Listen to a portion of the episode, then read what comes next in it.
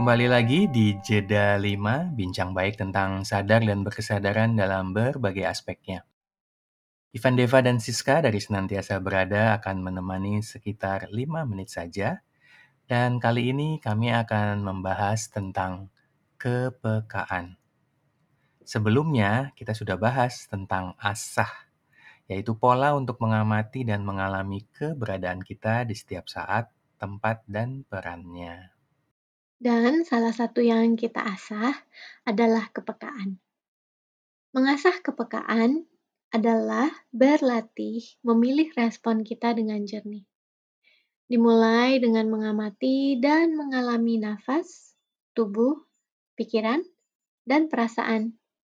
Kian kita peka, kita bisa merasakan misalnya, oh ternyata setiap nafas tuh beda ya. Dan ternyata sensasi tubuh pun hadir dengan berbagai variasinya. Dahi yang berkernyit, turun naiknya dada yang terasakan, kembang kempis perut, atau rasa pegal-pegal di punggung. Ya, dan juga pikiran yang datang silih berganti tanpa bisa kita pilih. Termasuk juga perasaan yang hadir tanpa juga kita bisa pilih. Jadi, apa artinya kalau kita makin peka? Salah satunya adalah merasakan hadirnya ego. Ketika kita peka, kita bisa mulai merasakan perbedaan yang tipis misalnya antara berupaya dan mengharuskan. Iya, termasuk perbedaan antara berserah dan bermalasan, atau antara perlu dan ingin, serta antara tekun dan keras kepala. Seru ya, ini kayak permainan kata-kata pelajaran dasar bahasa Indonesia. Tapi sejatinya ketika kita peka, maka perbedaan ini bisa dirasakan. Dan kepekaan juga berarti jernih, melihat situasi di luar keberadaan kita. Betul sekali, karena ketika kita peka, kita mengalami bahwa apa yang kita rasa sebagai sesuatu yang di luar keberadaan kita, sebenarnya juga adalah apa yang ada di dalam. Di luar, di dalam, bukanlah hal yang terpisah, bukanlah hal yang berbeda. Ya, karenanya ketika kita peka, kita pun bisa mulai merasakan perbedaan antara mendengarkan dan mendengar, antara empati dan simpati.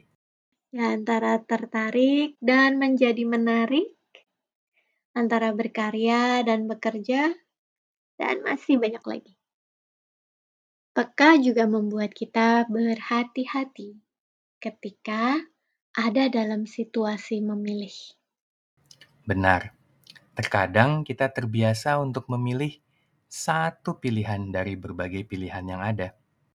Padahal, ada banyak situasi yang bersifat paradoks, di mana yang kita kira pilihan adalah keberadaan-keberadaan yang sekaligus berada pada saat yang sama. Contohnya nih, ketika ada situasi yang memang membuat kita sadar kita perlu menggunakan sekaligus pola kita merasa dan pola kita mengukur. Ada juga situasi yang membuat kita perlu menggunakan nurani, juga nalar, pada saat yang bersamaan.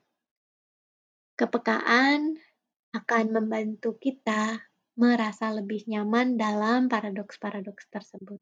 Nah, karena kita juga berlatih peka nih, kita perlu tahu kapan perlu bicara dan kapan perlu berhenti bicara. Namanya jeda lima, saatnya kita mengakhiri siniar kita. Saatnya kita berjeda tiga nafas, mengamati dan mengalami tiga nafas. Saya bunyikan bel ya, tanda dimulainya kita untuk benar-benar memperhatikan, benar-benar merasakan tiga nafas kita.